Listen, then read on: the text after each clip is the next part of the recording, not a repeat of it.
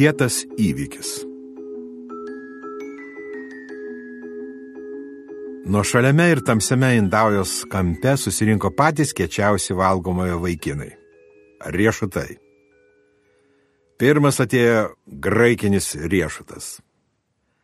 Jo senas raukšlių išvagotas veidas rodė, kad jis labai patyręs ir gudrus. Sklido gandai, jog jis yra riešutų gaujos smegenys. Paskui nepastebimai išdygo du nedideli, bet labai vikrus lasdyno riešutai. Apie jo žmonės kalbėjo, kad į tokius ir dantį galima nusilaužti. Tikrai kieti riešutėliai.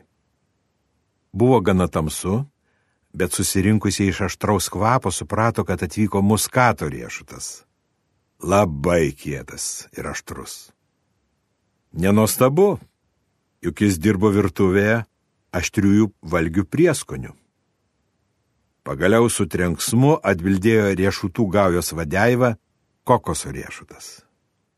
Jis buvo tikrai baisus, tamsiai rudogymio ir visas apžėlės plaušais. Kažkada jis piratavo tolimuose pietų jūrose ir tik vėliau atsibastė į mūsų kraštus. Kokoso riešutų iš paskos sugužėjo pulkas pistacijų, migdolų ir kedro riešutėlių, kurie buvo tokie maži, kad juos nugrūdo į patį tolimiausią kampą ir nutildė, kad nekeltų triukšmo. Į samburį bandė prasmukti ir žemės riešutų ankštis, bet ją visi sušokę išmetė lauk. Mat pasirodė per minkšta, bet to pernelyg panašiai kažkokią niekingą pupelę. Susirinkimas vyko dėl to, kad vieną kartą ir visiems laikams būtų įsiaiškinta, kuris iš visų riešutų yra pats kiečiausias. Šiam svarbiam išbandymui buvo pakviestas plaktukas. Jo autoritetas namuose buvo neginčiamas, nes visi jį laikė dešiniaja šeimininko ranka.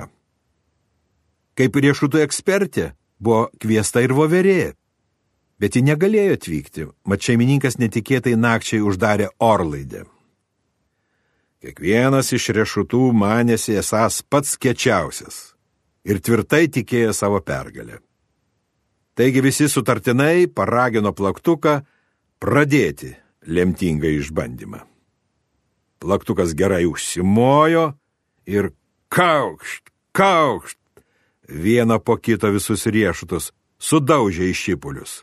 Lasdyno, graikinį, muskato, kedro, taip pat pistacijas, migdolus ir net patį didįjį kokoso riešutą.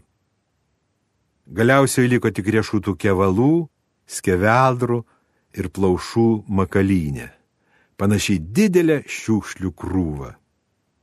Tai baigėsi pats kečiausias įvykis per visą valgomojo istoriją.